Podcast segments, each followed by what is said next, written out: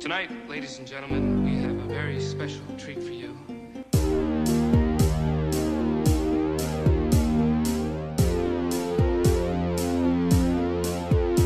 Jo, välkomna, välkomna! Hade det låtit om vi var från Göteborg, men det är vi inte. Vi är Närke och en smålänning och vi är TT Film Podcast. I ena änden har vi Thomas Hellberg och i andra änden har vi... Herr Törnros. Ja, det känns som det var evigheter sedan vi spelade in senast, är det det? Nej, nu säger det ju inte det. Vi Nej. körde ju en biospotting för inte så jättelänge sedan. Nej men visst, och den var ju bra, Bombshell. Den, den satte sig i ryggraden på mig, eller i märgen innanför. Den klättrade in innanför huden om man säger så. Den klättrade innanför huden, alltså okej. Okay. Den kröp inte innanför huden på dig, alltså den klättrade Han smög in som en sån liten eh, facehugger som släng, slängde ner någonting äckligt i halsen och så kopulerade den och så blev det, kom den ut genom magen. Så kändes ja. det. Nej men den, den var tung den filmen, jag tyckte om den. Även om mm. den lite Hollywoodiserad så var den fortfarande tillräckligt tung för att det skulle vara riktigt nice. Men idag har vi två filmer vi ska prata om. Rymdfilmer båda två med vi sammanträffande. Tre filmer får jag hoppas. Ja, och ditt uppdrag ja. Jaha, det, det, är ingen eh, film det. Nej, just det. Det var ju musikal, ja. Exakt. Hans-Åke Lilja, han sa att det hade väl bättre om jag gett dig en gaffel så kunde peta ut ögonen när du tittar på den där. Öronen tror jag var va? öronen säger kanske eh, Jag likade den kommentaren, det brukar jag inte göra men den gången gjorde jag faktiskt det. Alltså du gjorde det? Ja. Mm. ja. men innan vi ska prata om de här filmerna så ska vi återbesöka ett segment som det var ganska länge sedan vi hade va? Ja, för länge sedan faktiskt. Det, ju, mm. har, ju, det har ju blivit att vi har haft för mycket filmer att prata om och då får ju det här trilla ut lite grann. Mm. Men nu trillar det in igen och jag pratar förstås om Thomas Törnros läxar upp sina barn i modern filmkonst. Den här gången har jag faktiskt sett en film som jag har, du har faktiskt varit lite inspiration för den, måste jag känna. Har jag? Mm. Ja, mitt namn. Ja, du, eh, herr Hellberg, har varit inspiration för min pappa son eh, filmtittargrej. Jaha, vad kan det vara? Det här är en äldre film. Äldre äldre, den är faktiskt inte så gammal så det men den har några år på nacken i alla fall. Svartvitt! Och det är då en eh, superhjältefilm utan superhjältar kan man väl säga. Jaha. Uh, och den finns idag på en tv-serie som du verkligen älskade. Och då tänkte jag, då vill jag se om filmen med mina söner. Och det är uh. Watchmen. Soviet ships have violated the territorial water. Someone's picking off costumed heroes. Why is that? Watchmen are over. Someone wants us out of the way. What do you suggest we do about it? Retribution.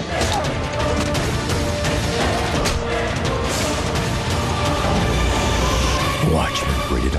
Rated R. In theaters on IMAX March 6. Jaha, ja just det. Ja, ja, men nu, nu, nu är jag med i matchen igen. Jag höll på att zona ut där lite grann ett tag. Jag kände att du höll på att somna så jag nämnde, nämnde snabb, namnet Snabbt Svarta nu alltså. Malin Åkerman nuppar med, med en blå Dr. Manhattan har jag för mig. Som är på fyra ställen samtidigt va? Ja, han typ. är på Mars, han är på jorden, han är överallt. Jag kommer väldigt ihåg väldigt lite av den där filmen faktiskt. Jag kommer ihåg att det var jävligt bra musik i den dock. Ja, det var det absolut. Och det är ju en våldsam svart eh, film får man säga. Mörk och dyster och eh, tragisk. Att, var det eh, inte Zack Snyder som gjorde den? Han som gjorde Sucker Punch va? Oh, du satte mig på hörla, vet faktiskt inte ska jag erkänna. Men eh, jag såg den tillsammans med sönerna, bara för att jag vill.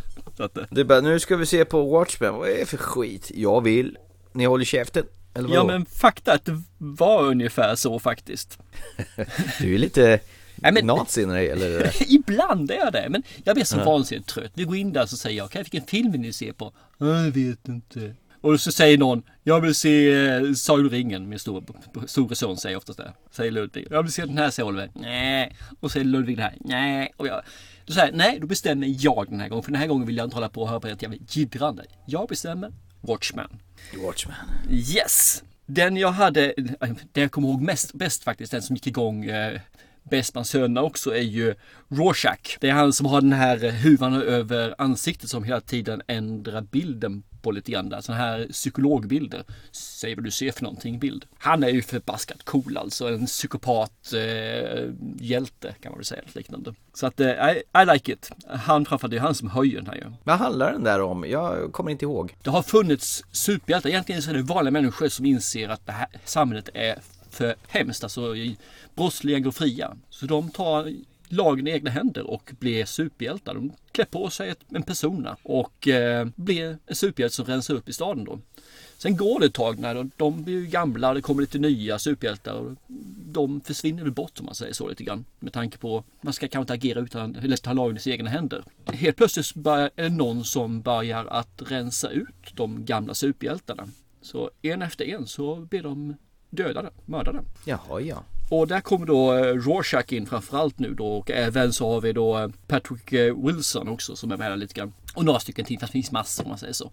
De börjar leta rätt på vem är det som egentligen är mördaren och varför. Och så börjar man nysta då. Det är en kriminalhistoria egentligen får man säga. Får nog se om den där faktiskt, för jag har väldigt dåligt minne. Jag har att du och jag var och såg den här på bio, gjorde vi inte det? Nu får jag tänka till lite. Det vet faktiskt inte jag. Kommer banne mig inte ihåg den. Jag har för mig att du hade fått några gratis biljetter på den där och så var vi iväg och såg den där och jag, vet att jag sov lite grann på den här. Ja, okej. Ja, men det, det är mycket möjligt. Jag har inget minne av det ska jag erkänna, men det är nog mycket möjligt. Men den där blåa smurfen kommer jag ihåg, han var jättestor vet jag. Mm, och han kunde ju bli stor som eh, gud själv tänkte jag säga. Men det, han kunde göra vad han ville. Den enda som är ett superhjälte så är det ju han, eh, vad heter han, Mr Manhattan heter han tror jag. Dr Manhattan. Dr Manhattan, precis. Ja, ja, du kommer ihåg bättre än mig. Jag har ju sett serien alldeles nyss. så Ah, just har, det. Han är med där Ja, det också. ganska färsk. Ja, han är med där också. Förbannat bra serie måste jag återkomma till. Oh, Ja. vad bra den är. Nej, jag kan bara säga att sönerna älskar den. Jag tycker om de här det mörka. Jag tycker om det här att man får tillbakablickar. Man får också att säga att de här ska vara de som är rättvisans män. Men de är ju inte så jäkla gosiga inne, inne heller. Utan de har ju sina saker och issues. Och det tycker jag om när hjältan hjältarna har flås. Tycker jag är ju förbaskat härligt. Och de här har väl mer flås än de flesta hjältar om man säger så. Nu vet jag varför det, jag vet att det är Zack Snyder som har gjort det. För han har så här rätt så omöjliga och möjliga kameraåkningar i den här filmen. Jag för mig i början man får se någon kamera som åker längs någon husvägg och in genom någon fönster eller något sånt där. Och Ja, det är stämmer. typ samma stuk som man kör på uh, Sucker Punch. Jo men det stämmer. Det, det är de, den, den kameraåkningen finns med. Jag tycker om dem också för det, det ger en eh, illusion att man transporteras in i filmen. Gick hem fullskaligt hos mina söner. Framförallt då eh, Rorschach då som sagt var som de tyckte om. Liten ettrig grabbe som överlever det mesta om man säger så. Och eh, de här karaktärerna har ju sina fantastiska, jag ska inte gå in på dem helt och hållet för jag tycker faktiskt att man ska uppleva dem allt eftersom. Och Den här filmen är från 2009, det vill säga att den är ju ja, mer än 10 år gammal nu. Men den håller fruktansvärt bra och är serien lika bra som den här då, då är det ju en jättebra serie så då måste jag ju ta med och se den snart. Ja, det måste du göra faktiskt. Alltså när man börjar titta på serien så fattar man ju ingenting. Och ju mer serien går så fattar man ju ännu mindre. Och det är ju jättehärligt ju. Ja. Fast någonstans halvvägs där så sen börjar ju nystas upp. Det är väldigt sån här jättesmart berättad historia som tar en väldigt massa oväntade vändningar. Riktigt nice. Till och med Mm. Det- min sambo hakade på den och tyckte det var ball. Och det är sånt man tycker om ju. Det ska ju inte vara ett dragspår alltid i alla fall. Jag tycker om när det blir snirkligt. Ja, som i The Witcher kanske. Lite grann sådär, den tyckte jag om också. Mm. Och du Och jag med. gillar The Witch. Jag gillar The Witcher. Kan det inte bli 2021 snart så säsong två kommer. Det kommer, det kommer, det kommer. Nej men det är som sagt var, jag tycker, har man inte sett den här, se den. Den är jättebra. Den håller fortfarande att se faktiskt. Har man sett den, varför inte ta och se den en gång till? Den finns på Netflix, eller fanns i alla fall för ett tag sedan på Netflix. Hoppas den finns kvar fortfarande. Jag Så vet att, eh, jag har den där inplastad någonstans på en som jag köpt för hundra år sedan men aldrig kommit för att titta på. Och jag Okej. tror det är någon sån här extended edition också, ja, som är extra lång. Mhm. Den dömer smör på. Det blir jag lite avundsjuk på ju. Så där tycker jag vi kan avsluta Pappa Son eh, tjofräsen. Om inte du har något mer så vill hylla serien vill säga. Du ska ju se serien när vi får tillfälle så ska vi prata om den då efter du har gjort det. Mm. Vi, vi återkommer till Watchmen för det, det tåls och nöta lite till nu, nu när HBO har manglat ut de här tio fina avsnitten. Det låter bra det. Um, senators, congressmen, please heed the call. Don't stand in the doorway, don't block up the hall. For he that gets hurt will be he who has stalled. The battle outside raging Ska vi blicka mot stjärnorna då? Det ska vi göra tycker jag. Ja, nu när Brad Pitt har blivit utgiven på Blu-ray och eh, DVD och VOD i science fiction-dramat Ad Astra. What can you tell us about the Lima project? The ship disappeared approximately 16 years into the mission. And the commander was? He was my father, sir. Your father was experimenting with a highly classified material that could threaten our entire solar system. All life could be destroyed. We're counting on you to find out what's happening. I love you. I worry about you. Are you truly sure that you're ready to go on this voyage? I'm ready. We're going to be entering hostile territory. But the mission is the priority. We cannot stop. Nothing can prepare you for what is out there. Ja, den här filmen gick ju du iväg och såg på bio ensam, Ja. minsann tror En jag. av de få gångerna jag har sett jag har gått på bio själv alltså faktiskt. Ja. Lite svårt för det. Var det massa andra ensamma själar som satt där utspridda i salongen? Och ni nickade instämmande vi är några ensamma jävlar. Nej, det var bara jag som satt ensam längst fram av alla. Nu Då menar jag mitt i salongen, alla satt bakom mig. Så ingen som har ingen telefon, ingenting som eh, störde och alla tittade ner och tittade på mig liksom. Jag satt ensam på den här raden också. Men då måste du ju kunna identifiera dig med Brad Pitts karaktär, för han är ju rätt ensam i den här filmen också. Ja, det kan man ju lugnt säga att han är. Men eh, jag tyckte den här filmen var riktigt nice. Eh, långsamt, byggde, tog tid på sig när jag såg den på bio. I alla fall så var var det intrycket där. Och eh, jag kände att den, eh, man fick en känsla för hans och hans umbärande och hans letande efter sin far då. Vad kan man säga mer för, eh, lite isolerat, lite jag inte- klaustrofobiskt men ändå att man är, man är ensam i alla fall som sagt var. Slåss mot sig själv.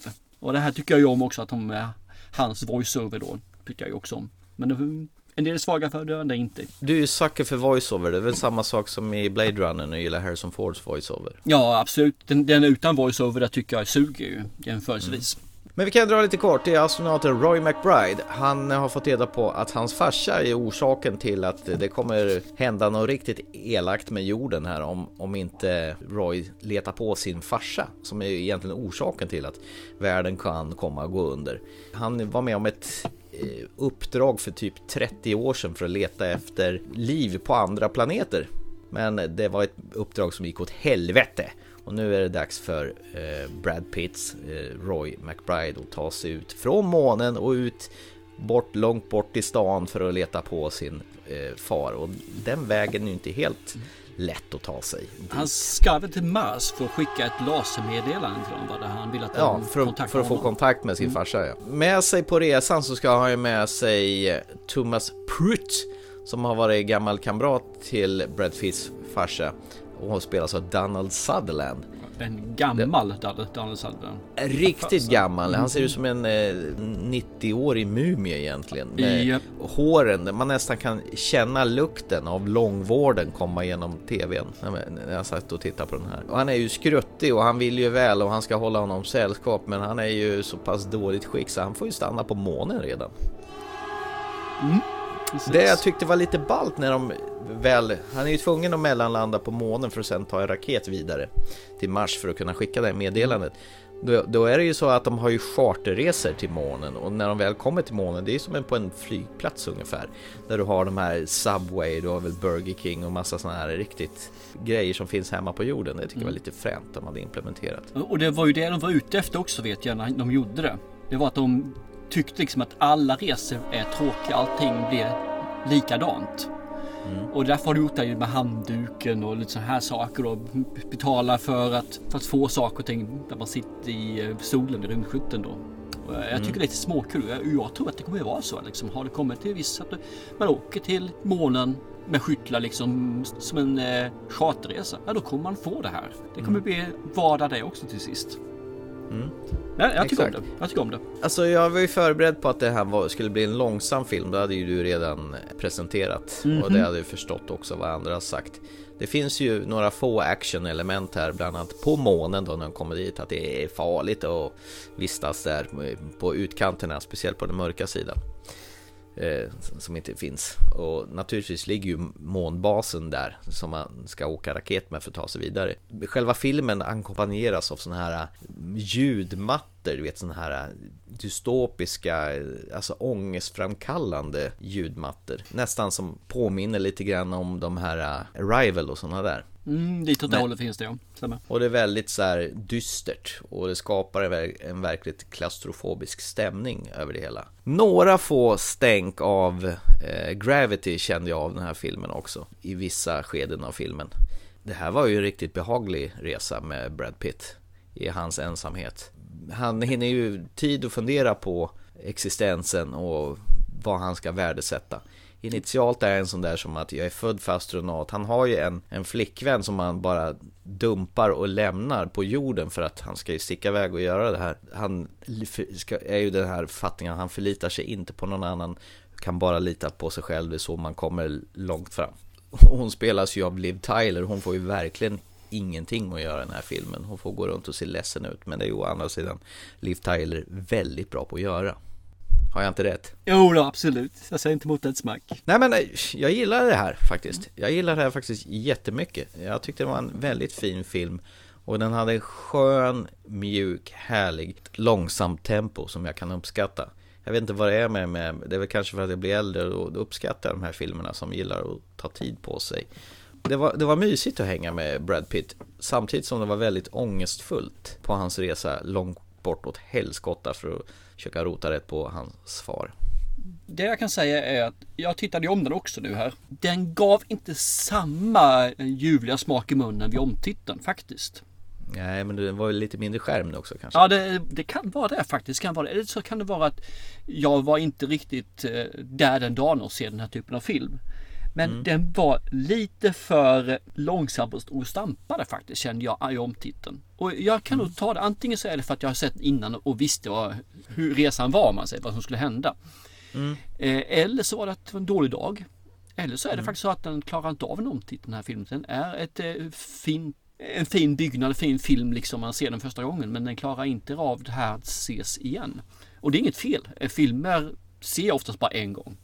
Mm. I det här fallet så såg jag om den och den, nej, den gav inte alls Den är fortfarande en bra film, eh, eh, inget så. Men den höll inte alls samma nivå som första gången, det gjorde den inte. Jag fick dessutom lite grann Apocalypse Now-vibbar av den här filmen. Och det menar jag på att eh, när man når filmens mål eh, så kan man jämföra Apocalypse Now-filmen och den här.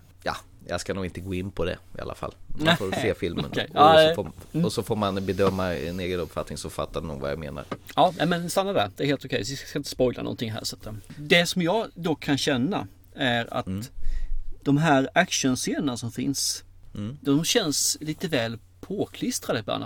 De känns nästan som vi är tvungna att göra någonting annars så kommer publiken att somna stycket. Du menar att nu är det dags att vakna till lite grann? Ja, så får jag det. Jag tycker att filmen hade klarat sig bättre utom det. Jag tycker den första actionscenen, bla bla bla, den sker ju i första eh, första scenerna mer eller mindre. Mm. Om du kallar det actionscen så är det ju det. Den, tycker jag, den, den är helt okej. Den, den, den fyller sitt ändamål. Den, den ska finnas där för den egentligen beskriver karaktären och vem han är då. Så den tycker jag är bra. Men så har vi då den här kända scenen som alla som sett trailern känner till. Och det är ju på månen, där de har den här actionscenen på månen då. Och den, den känner jag bara, nej. Den, den, den har ingen som helst nytta. Tredje actionscenen som är längre fram i filmen, när de är på väg då till Mars. Den känner jag inte heller. Va- Varför då? Varför ska den finnas där egentligen? De ger ingenting till filmen, de ger ingenting till karaktären, de ger egentligen ingenting överhuvudtaget känner jag att det förädlar. Utan det gör bara att, känns bara som att ja, vi får väcka publiken med någonting. Och det Ja. hade inte behövts tycker inte jag. Jag tycker de scenerna kunnat få bort den så hade den gått ner från 2.0 någonting till eh, 1.45 kanske. Ja, två timmar och tre minuter är klockan den här filmen in på. Sen, sen kan jag tycka att slutet är lite väl... Eh, ja, nej. Det, det är som du brukar säga. Slut brukar ju ha en tendens att klanta till sig och det tycker jag faktiskt även den här gör. Ja, det håller jag med om också. Jag hade nog önskat en annan utgång än vad den här gick i mål på faktiskt. Däremot tycker jag om slutslutet. Det tycker jag är helt okej. Slutslutet. Ja, i slutet är när filmen skulle sluta. Sen kommer det oftast någon sy ihop scen efteråt och det för mig är slutslutet. Ja, det är typiskt amerikanskt där.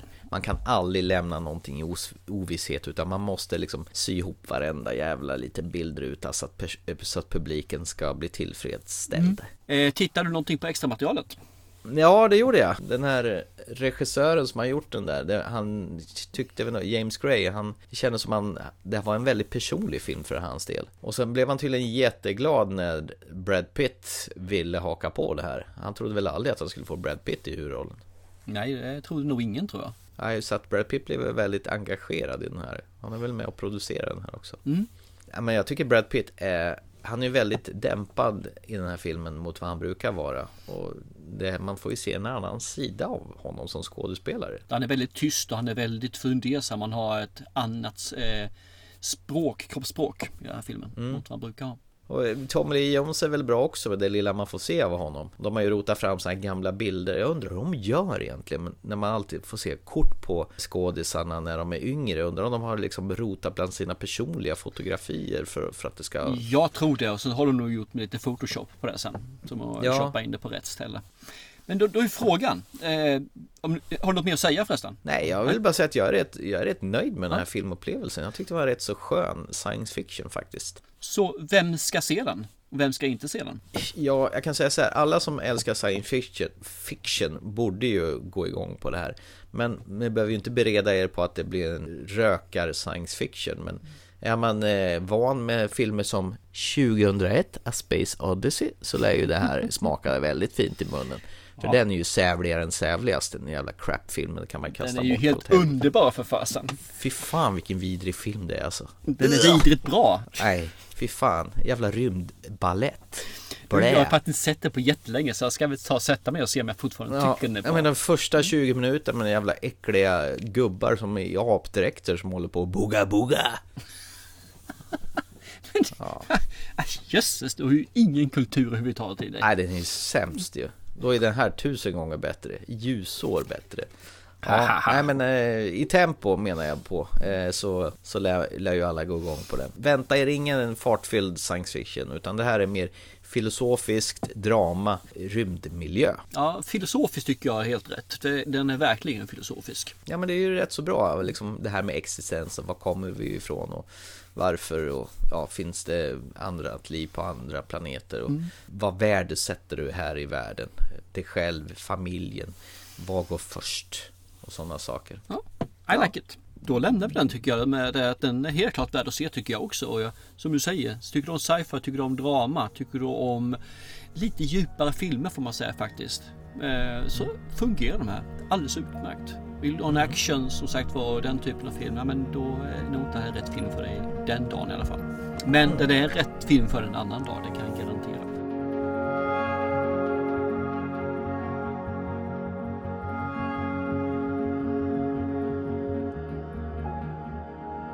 Ska vi gå från en rymdfilm till en annan då? då? Lite längre ut i rymden va? Mitt ute i rymden. Ja, typ. Det är ett eh, rymdskepp som inte heter någonting förutom att det är märkt med nummer sju. Mhm. Och helt Eh, fyrkantigt som en tråkig buffs. Eh, Skokartong ute och flyger. Precis, med motor på. Och så hittar vi Robert Pattinson som heter Monty i den här filmen. Han, han, han lever ensam på det här rymdskeppet med sin lilla bebis. En, en dotter då, som heter Willow. Men det har ju inte alltid varit så här att han har varit ensam. Så att filmen börjar ju så. Eh, att Mo, han Monty bara kastar ut massa kroppar ut i rymden i, i, i rymddräkter då. Som en slags eh, begravning då. We were scum. Trash. Refuse that didn't fit into the system. Until someone had the bright idea of recycling us to serve science. The odds are not in our favor. But when my work is accomplished, when perfection is achieved, then what? Fly away? I know I look like a witch. You're foxy and you know it. This mission can't turn our shame into some type of glory. I can't do this flying around no more. You lied to us. You knew it. Are you sick? You realize nothing is ever gonna grow inside us. Break the laws of nature. You'll pay for it. Och här kan jag med en gång säga liksom att det här är Tacky. För han välter ut dem och de hänger som glasspinnar. Helt stilla hänger de liksom. Det finns Ja. ingen så här att det är gravitationslöst att de snurrar runt. Nej, de hänger st- still. Ja. Helt still. Och alla hänger, Ja. hänger uppifrån och ner helt lodrätt. Och så undrar man ju liksom Ska det bara handla om han och bebisen i en två timmar? Men man får ju naturligtvis reda på i såna här flashbacks då hur det hela gick till då. Det betyder alltså att det handlar om ett gäng fångar då som har fått såna dödsdom på sig. Och då har de istället blivit erbjudna eh, att de blir benådade om de hakar på ett sånt här uppdrag ut i rymden för att leta reda på svarta hål och kollade energier kring det, om det finns någonting runt där då. Eh, där de däremot inte vet att det här är, det här är en one way ticket, att de aldrig kommer komma tillbaka. Så att eh, de är ett gäng av olika karaktärer. Ja, olika kön, olika åldrar, olika etnicitet. En av eh, personerna då är en doktor som spelas av Juliette Binoche som har utövar väl någon slags experiment på de manliga fångarna där att de samlar in deras sperma. Ja, fast det är ju inte på de manliga utan det hon är ute efter är ju egentligen ett perfekt exemplar av ett barn. Ja, man måste ju samla in sperman från de manliga som ska kunna göra kvinnliga fertila med sperman. Det är så man brukar oftast göra det. Eh, Hon har ju en viss agenda på varför hon vill ha det här perfekta barnet där. Och det roar hon med sig på den här resan bort. Eh, medan hon letar svarta hål. Det är väl eh, grundpremissen i filmen då. Det här var ju verkligen ingen stringent film på hur man presenterar eh, flödet från början till slut. Utan här hoppas det friskt fram och tillbaka i tiden. Det är ju en hel del som sagt var fram och tillbaka. Så när, eh, när han är ensam, när det är bara är några få kvar och när, han, när de är fulltaliga och när de egentligen nyss har börjat. Och sen så känns det lite grann som det, det är liksom inte att de hoppar tillbaka och sen så nästa gång de hoppar tillbaka hoppar de tillbaka lite kort, lite längre fram. Utan det Mm. kan blanda sig exakt var de hoppar någonstans också. Så här gäller det att man är vaken och eh, eh, hänger med i svängarna. Har man svårt för det så då, då kan den här filmen bli jättejobbig att se, absolut. Eller, De enda två jag känner igen i den här filmen är ju, för det första så är det ju eh, han eh, Robert Pattinson då ju. Som är Eh, från- Twilight, hur fan kan du känna igen den? Har du sett Twilight-filmerna förresten? Ja, jag, har sett, jag har sett två stycken gjort. Bara för att jag ska kunna säga att de är dåliga så har jag sett två stycken. Så att eh, så, där känner jag igen honom om man säger så. Och så har vi ju, vad heter det? Mia Goth. Va? Mia Goth, hon Precis. som spelar Boys. Ja, som hon var i Suspira är hon ju med i. Ja, du såg henne väldigt nyligen i Suspiria. Mm. Så henne tog jag ju med en gång. Vampyren tog ett tag innan jag fattade vad han var för någonting.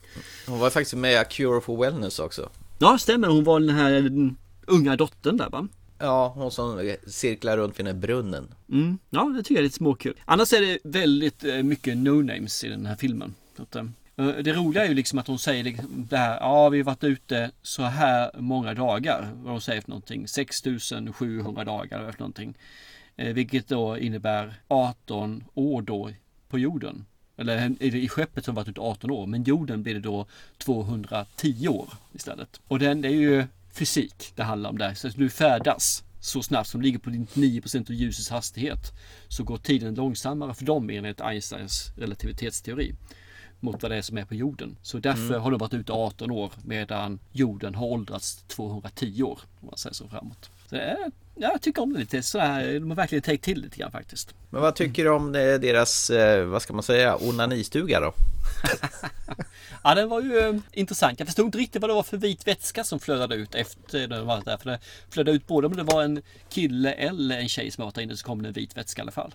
Mm, det är ju en rätt så knepig scen med hon Juliette Binoche när hon går in i den där och eh, ja, har lite skoj med sig själv kan man säga. Mhm. Och det- det är någon scen som Det enda jag tänkte på när jag såg den scenen var Burn After Reading. ja, precis. När, när man helt plötsligt får se en silverfärgad eh, massagestav som... Det är någon, någon, någon sekvens där. Ska man förstå att det är den här massagestaven man får se en genomskärning som är inne i henne? Eller jag fattar inte riktigt. Eh, nej, inte jag heller ska jag erkänna. Men det Nej. känns lite grann som den här filmen blandar ju en vanlig film och den blandas sen som konstprojekt precis. Den är Ja men lite- visst kändes det konstprojektaktigt där. Eh, Så fick jag också. Jag valde att titta, ta till mig men att filmen fick ändå vara det som var merparten av den. Jag tänker med de här rymdskeppen som de far, de, de ser Mm. väldigt ostabila ut. Ser nästan ut som någon hemsnickrat. Ja det här är ju low budget film. Det kan man ju säga utan dess like. För tittar man på rymddräkterna så är det samma sak där. Det är liksom Rymddräkten är inte ens heltäckande för du har alltså tyg som du bara lägger över nacken. Och likadant här hjälmarna, de känns inte så jävla täta när de sätter på de här Mm. Nej, hu- precis. huvudena. Så, och, och det får man ju ta. Det är ju inte mer på det. Det Ja. här får man ju ta alltså. Det här är en låg, låg det här är en indiefilm kan vi säga egentligen. Alltså vi tittar på det eh, i eh, ekonomi i alla fall. Sen är det lite spännande på vissa hur de flippar ur, de blir sexuellt frustrerade och bara känner att de måste utagera detta. Ja. Och andra är introverta och ja, det är ju en, all, en hel olika uppsjö med olika typer av karaktärer i, i den här filmen och det kan jag ju faktiskt uppskatta. Hur man hanterar den här isolationen ute i rymden. Den tyckte jag om också liksom. Du, du har inte valt dina reskamrater och du har liksom inte förberett dig heller för dem och så har du bara en begränsad yta. Och du har begränsat, du medicineras ju också för att du ska ha det. Den enda som finns där som verkar som har något att säga till om det är egentligen kaptenen som har ganska liten roll får man ju säga. Och eh, han är den enda som är där utan att ha gjort någonting. Och eh, det, det känns som, ja jag tycker om den hur sakerna växlar upp liksom. Allt från att de är ganska så sympatiska tills att det blir väldigt mycket slitningar och de agerar väldigt eh, utåtagerat om man säger så, både fysiskt och mentalt. Mm, eh, eh, däremot kan jag säga att jag tittade den här, jag var hemma förra veckan i början av måndag och tisdag med, låg med världens migrän och, och då av någon anledning slog jag på den här. lysande val. Nej, jag var inte så jävla intelligent. Och jag kände väl att jag kanske dåsade ifrån den här filmen eh, lite till och från. Så jag slog på den en gång till. Mm. Men det hade jag faktiskt inte gjort. Nähä. Och det, och det var, gjorde ju filmen ännu knepigare när jag kände att den var lite lösryckt hit och dit. Trots att jag, jag såg faktiskt om den i princip en gång till. För att fylla i luckorna om jag nu hade missat någonting. Men jag hade inte det. Den, den, samtidigt som jag tycker den är rätt så intressant med det här jag berättade med isolationen. Så känner jag att den är lite hoppig i handlingen. Det finns lite för mycket hål för att det ska fyllas ut. Man ska kunna spackla förbi de hålen man säger så. Utan det, det känns som att de hade antingen så är de för nya när de gör ett manus och ska få ihop det. Eller så hade de inte pengar till det. Eller så vill de att det skulle finnas så mycket hål. Men tyvärr tilltalar inte mig helt och hållet. Jag tycker den här Nej. filmen är jätteintressant som du säger också. Jag tycker den här filmen den tilltalar mig på väldigt många plan. Men det finns Mm. lite för mycket som är skaver. Och jag, och jag kan säga, jag begrep inte slutet på den här filmen. Det var därför jag var dessutom tvungen att backa tillbaka om jag hade missat massa grejer. Jag- Så jag tittade om på slutet flera gånger och rätt som när jag så kommer bara eftertexterna och rullar. Jag kliar mig lite i skallen där faktiskt. Det är ett öppet slut sådär, absolut. Ett väldigt öppet slut faktiskt. Och jag, jag brukar ju uppskatta sådana slut. Men det här var ju, det kändes inte riktigt som de visste själva vad de ville avsluta det med. Nej, kanske det. Men Robert Pattinson är oväntat bra i den här filmen faktiskt.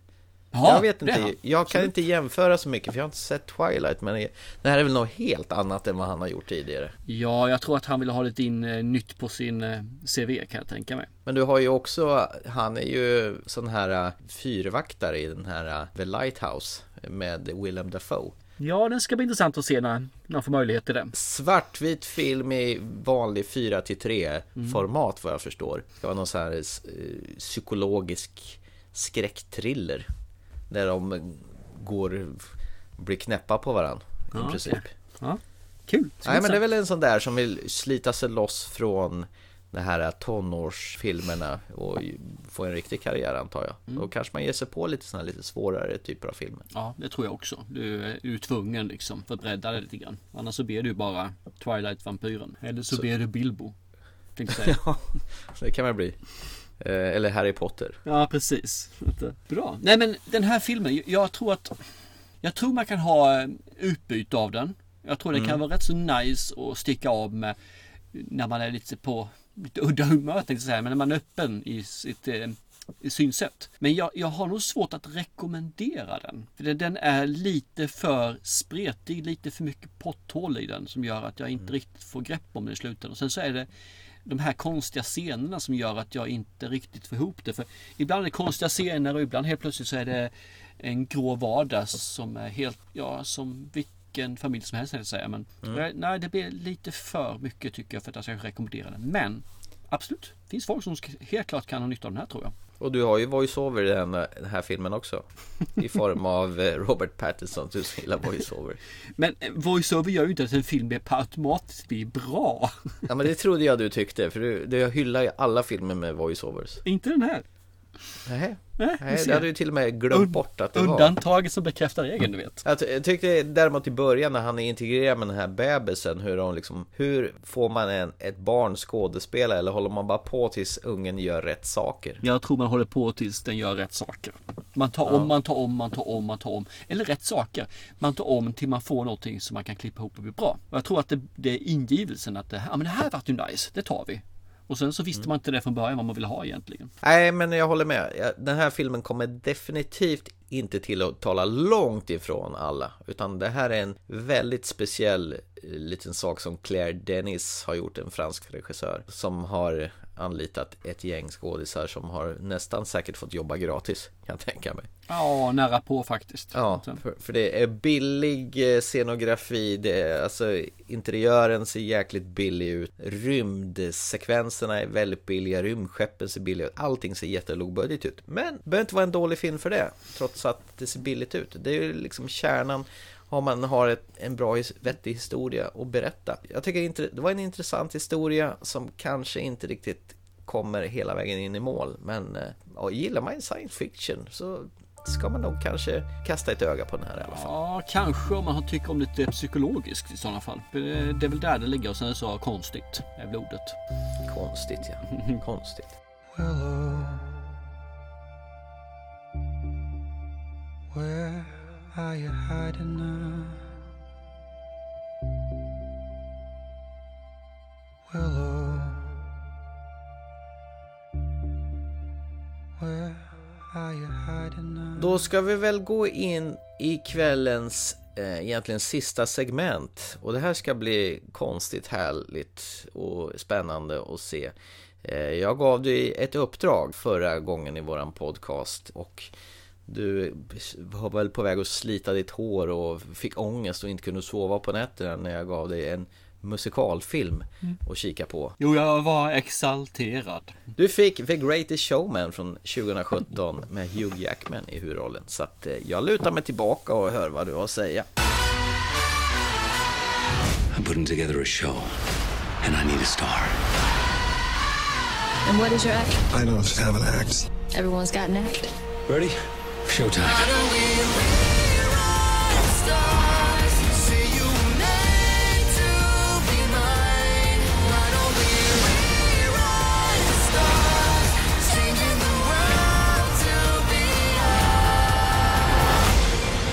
Only in theaters. Här har vi en eh, film som egentligen är based on a true story. Nej, det är den inte riktigt, men den baserar i alla fall på den.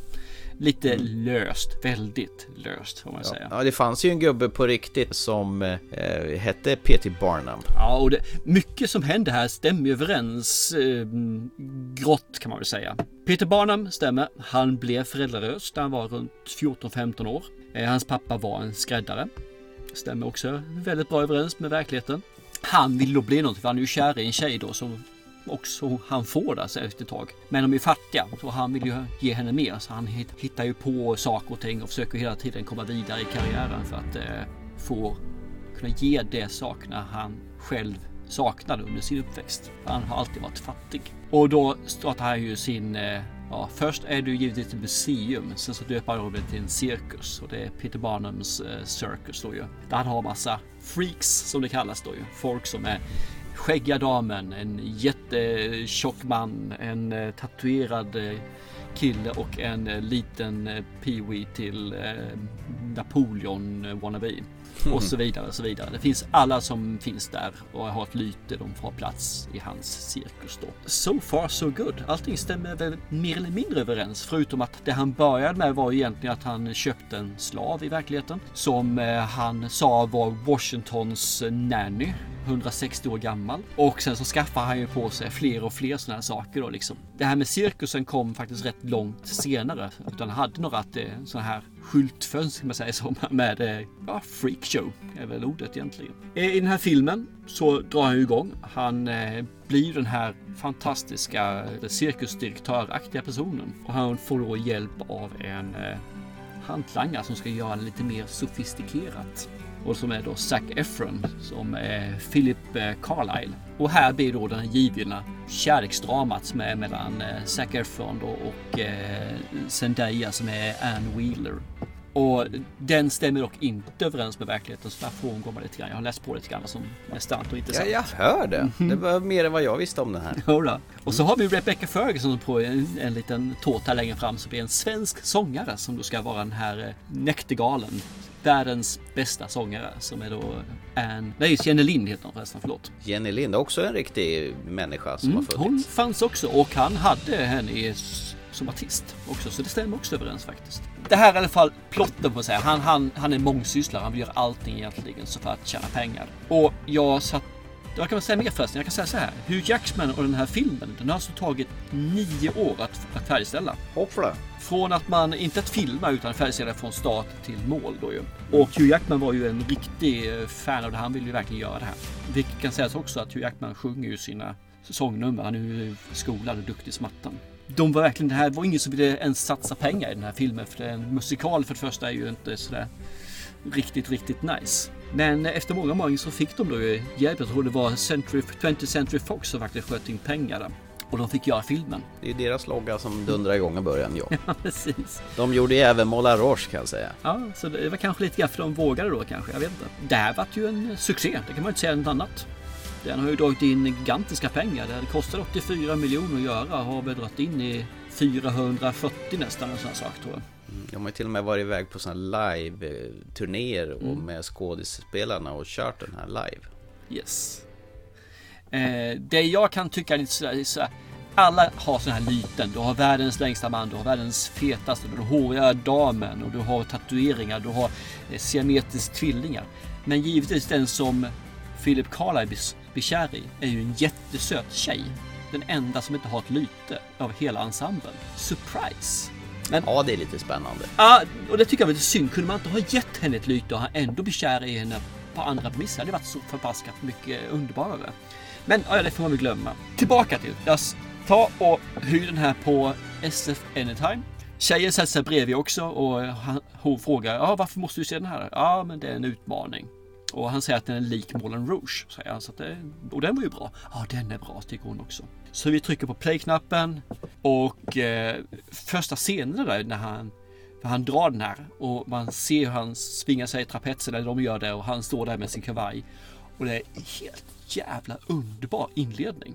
Man känner liksom wow! Man, vet man den här magen fylls av att det här är bra, det här är lysande. Det är lite sådär känsla man fick faktiskt när man såg Moulin Rouge där. Och sen så zoomar man ut från glasrutan och eh, han blir en pojke då som stått där och har dagdrömt vad han vill bli. Så fortsätter serien och jag känner liksom fasen det här är bra. Och så går det fem minuter och helt plötsligt så är det här en vanlig förbannad hemsk musikal. De ska hålla på med sina jävla scenerier, skutta runt saker och det ska vara det ena och det andra och det... Jag bara, nej, nej. Det här är ju bara skit ju. Jag menar, varför? Den här början. Fem minuter höll den måttet alltså. Och sen så döt det ner i träsket efter det. Filmen fortsätter och vi börjar komma upp, han är bevuxen. han börjar komma in i den här cirkusen och få det här att fungera liksom. Och ensemble börjar komma igång. Och jag börjar förstå lite grann vad du är ute efter med det här med Moulin Rouge. Det är de här karaktärerna tror jag du menar. Som finns där. Det, det som skiljer sig från Moulin Rouge och The Greatest Showman är att i Moulin Rouge får vi lära känna de karaktärerna. Vilka de är, vem och var de, varför de är de är och hur de beter sig. Här är de bara eh, ögongodis. Man vet ingenting överhuvudtaget om skäggiga damen mer än om hon har skägg. Okej? Den tatuerade mannen har han tatueringar. Ja, Okej, jättebra. Han den här lilla killen, ja visst han är liten. Man får ingenting mer än så utan de är bara ögongodis som säger. Och Hugh Jackman är hela filmen mer eller mindre. Tyvärr, han lyckas inte. Den här filmen blir aldrig bra. Musiken är jättebra. Musiken är suverän. Alltså, jag kan inte mer än säga det. Alltså, låtarna de gör här är ju jätte, jätte eh, underbara att lyssna på. Men filmen suger ju så in i bomben alltså, så jag vet inte vart jag tar vägen. Och det här är givetvis från, från en kille som inte är så riktigt stort fan av musikaler. Jag har kanske två musikaler jag tycker är okej. Vilken är den andra då? Ja, det vet jag inte. Jag sa kanske två. Jag kommer inte på är den det- andra. Men är det inte den där jävla Les Mirables? Ja, men den är ganska tung och så. Den är väl helt okej. Så, ja, men säg den då i sådana fall, för den är faktiskt okej. Den- Men den sjunger de väl igenom hela Ja, filmen? och Den tycker nog jag är bra för jag har sett den på musikal, teatermusikal. och det är kanske är det som gör att den är helt okej. För den är väldigt tung är den alltså, absolut. Men säg en dag bara för att jag ska vara helt då, så är det, så är det ju Moulin Rouge då. Och den här filmen låg inte ens upp i knäskålarna. Det är ju inte ens anklarna på fötterna jämfört med den filmen. Det här är inte bra Thomas. Jag fattar inte vad du kunde, kunde jämföra det här med Moulin Rouge. Det finns färg, ja visst gör det det. Det finns folk som är lite annorlunda. Vi får inte lära känna dem. De får ju inte göra någonting. De har kanske tio lines i hela filmen. Vad fasen är det här för någonting? Hur kan du tycka det här är bra? Det är ju... Fan, jag fick be om ursäkt till min tjej så för att jag tvingade henne se på det här. Tyckte hon också den var dålig? Ja, det gjorde hon. Och hon tycker ändå att det här med musikaler är helt okej. Och det, då, är det, då är inte det här bra. Det är bara att inse. Det här är inte bra. Jag upprepar det en gång till. Thomas, det här är inte bra. Jag kan säga, jag såg den här själv precis innan jul gjorde jag. Hur, hur mycket har du tagit i droger då? Jag bara vill veta det. Nej, inga droger alls. Inga droger? Hur mycket har du druckit? Nej. Nej. Och, och sen sa jag till, till min sambo att du, jag såg en rätt så skön musikalfilm så att jag- vill att vi tittar på den där. Och hon gick igång på den precis på samma vis som jag gjorde. Jag tycker den här historien med, vad heter Ann Wheeler och Philip Carlyle då, hon den Mm. här, som du sa inte hade något lyte.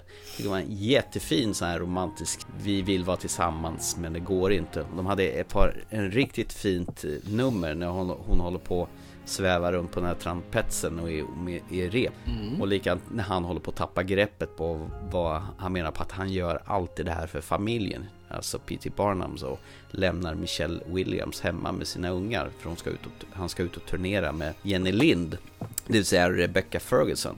Som är en fruktansvärt bra sångerska. Jag vet inte om hon gör det här ensam. Nej, nej hon dubbar. Hon är dubbar. Ja, jag tror det också för att det stämmer inte riktigt överens med Hon, hennes hon kan den- sjunga och så här men hon ska ju vara, Jenny Lind ska ju vara faktiskt världens bästa sångare. Då kan ju inte Ja, hon visst. sjunga med en Och jag menar den inlevelsen hon har på, på scenen när hon drar igång det här numret hon kör första gången alltså. Alltså det kommer tårar i ögonen på mig. All the shine of a thousand spotlights,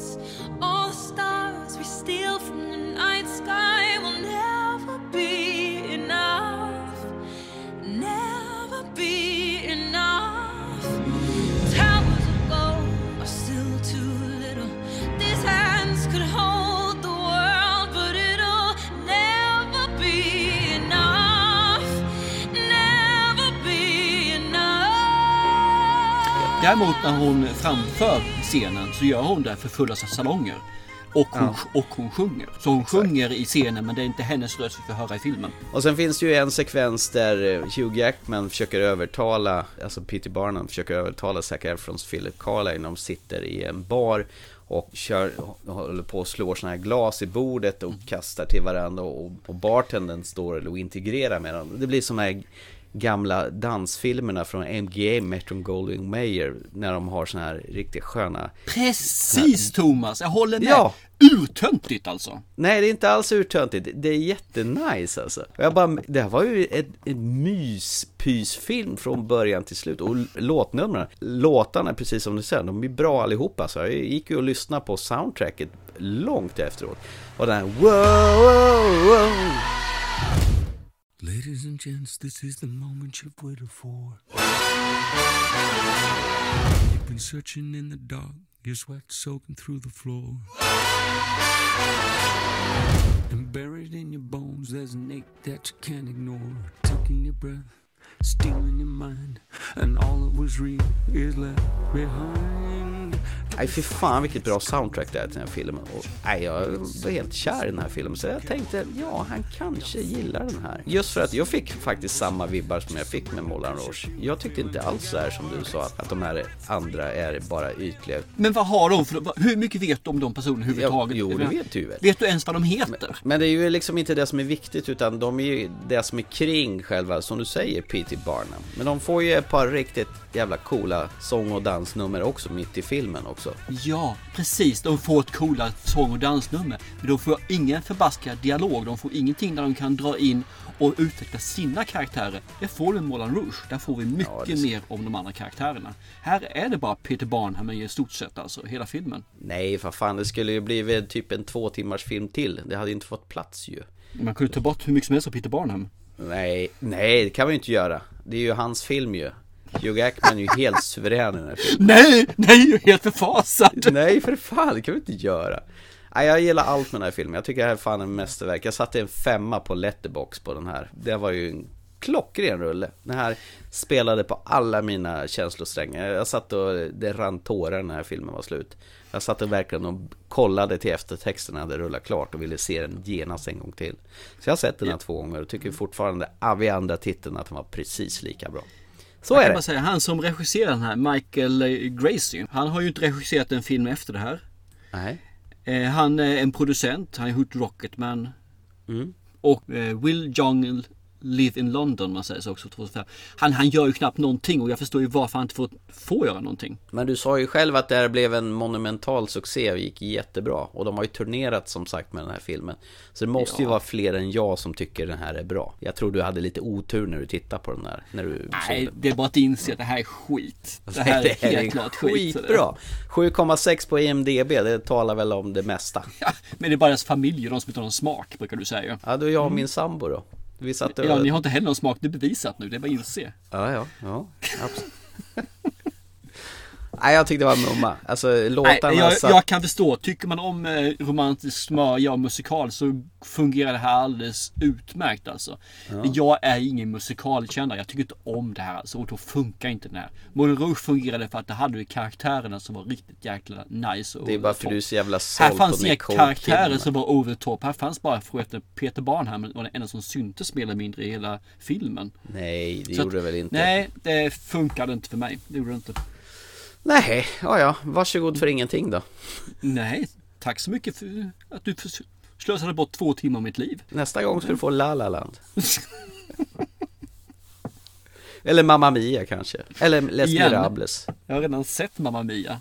Ettan och tvåan. Ja, det hade tack vare dig. Mm. Men hade du sett Les Mirables-filmen också? Eh, ja, det har jag sett. Jävla skit har jag inte sett. Jag tänker aldrig se. Fy fan. Jävla tråkigt franskt helvete. Det, det Russell Crowe sjunger genom hela sina repliker. Han kan ju inte ens sjunga. Fy fan. Dynga. Nej, men den är, den är tyngre den filmen. Men som sagt, jag har ju lyssnat på den och har ju ett tjänsteregister till eh, låtarna sen förr. Så det är därför tror jag som den eh, går hem hos mig lite mer. 7,6 på IMDB säger jag bara. Jättebra. Ja. Mm. Jag tycker vi kan lämna den till själva mark- jak- jaktmarkerna. Så Ja. säger vi att den här pratar vi aldrig igenom. Jag kan säga, ni som eh, har god smak bör ju kolla in The Greatest Showman. Eh, jag får be om ursäkt för min lägre stående intelligenta poddkamrat Thomas Söros i Jag, håller med dig fullständigt. Ni kan helt klart, ni som är godsmak kan helt klart kolla in den här cirka två sekunder och sen så bläddrar ni till nästa film istället och tar den för den kommer vara bättre. Vad den är så kommer den vara bättre. Det är fantastiskt faktiskt. Så titta på Greatest Showman och så säger vi ta en annan film och ni vet om att ni kommer få en bättre film. Bu för dig. jag kommer inte på någon mer vasst att säga. Uff.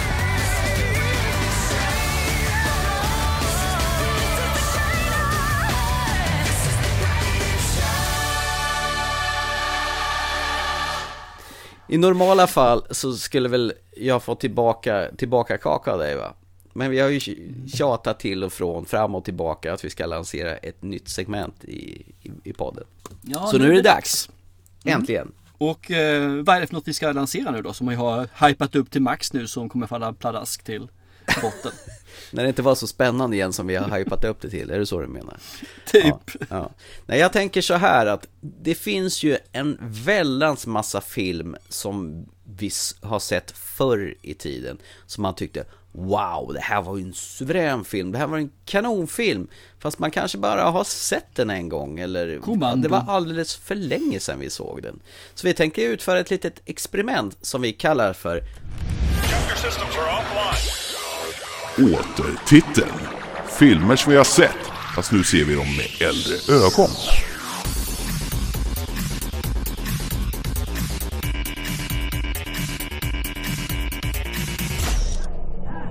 Och det, och det betyder alltså nu när vi är gamla gubbar och rotar tillbaka i tiden, gamla filmer som vi älskade när vi var yngre, håller de fortfarande måttet nu? Precis. Och gamla filmer behöver ju inte vara att det kommer från 40-talet som du då.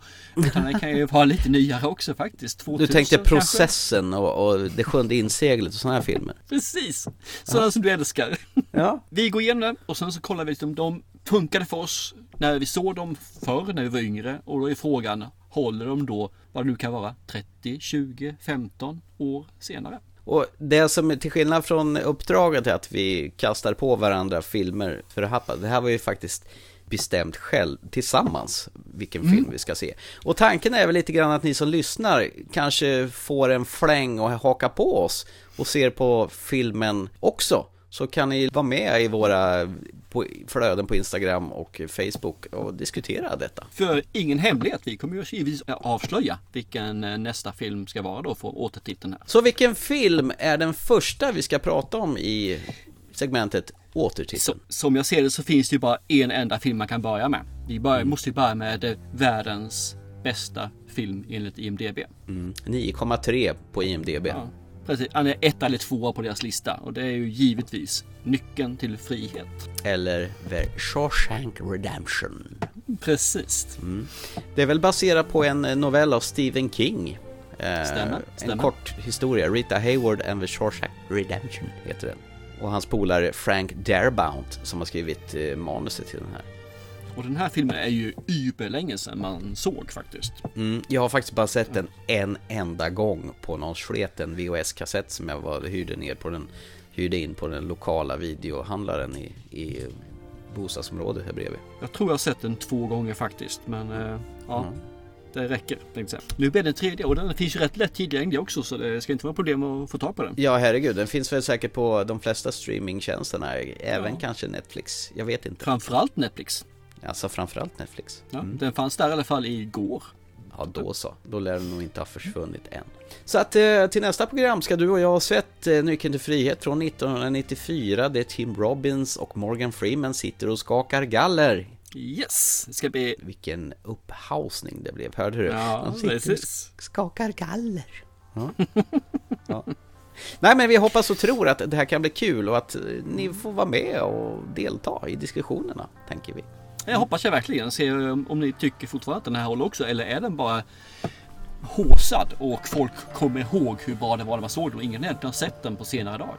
Har du något mer du vill eh, ta eller ska vi klo- borden? Nej, jag blev ju så lätt deprimerad här när du bara ratar alla filmer som jag ger dig gång på gång på gång. Alltså, hur jag än försöker så blir jag nej, skit. Vi glömde faktiskt att ta en sak när vi pratade om Greatest Showman. Är den värd att se eller inte? Ja, klart den är värd att se. Den är värd att se två gånger minst. Vänta, vänta, vänta, vänta, vänta. Det här var mitt uppdrag. Det är jag som talar om den är värd att se Jaha, eller inte. okej, förlåt. Se den. Skitbra film. Du kan, om du kan välja mellan den här filmen och få böldpest så tycker jag du ska tveka ett par gånger innan du bestämmer dig faktiskt. Där. Och sen, sen väljer du rätt. Nej, den här är inte värd att se om du, om du inte verkligen tycker om musikaler. Givetvis ska du se den då, annars så håll dig borta från den. Och tror jag tycker du om musikaler så har du redan sett.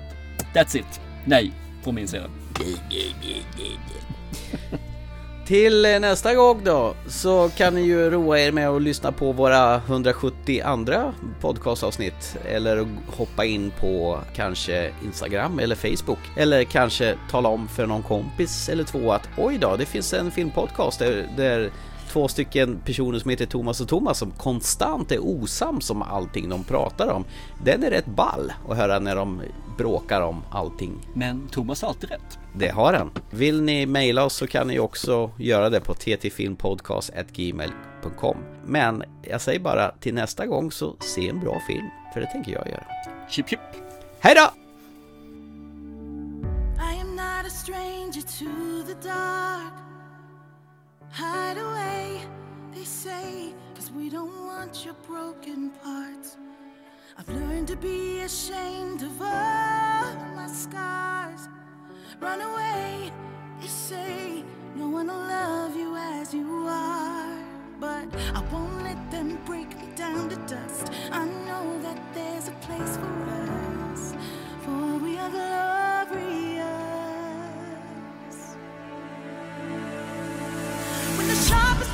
Wanna cut me down, I'm gonna send a blood, gonna drown a mind. I am brave, I am bruised, I am who I'm meant to be. This is me. Look out, cause here I come. And I'm marching on to the beat I drum. I'm not scared to be seen. I make no apologies.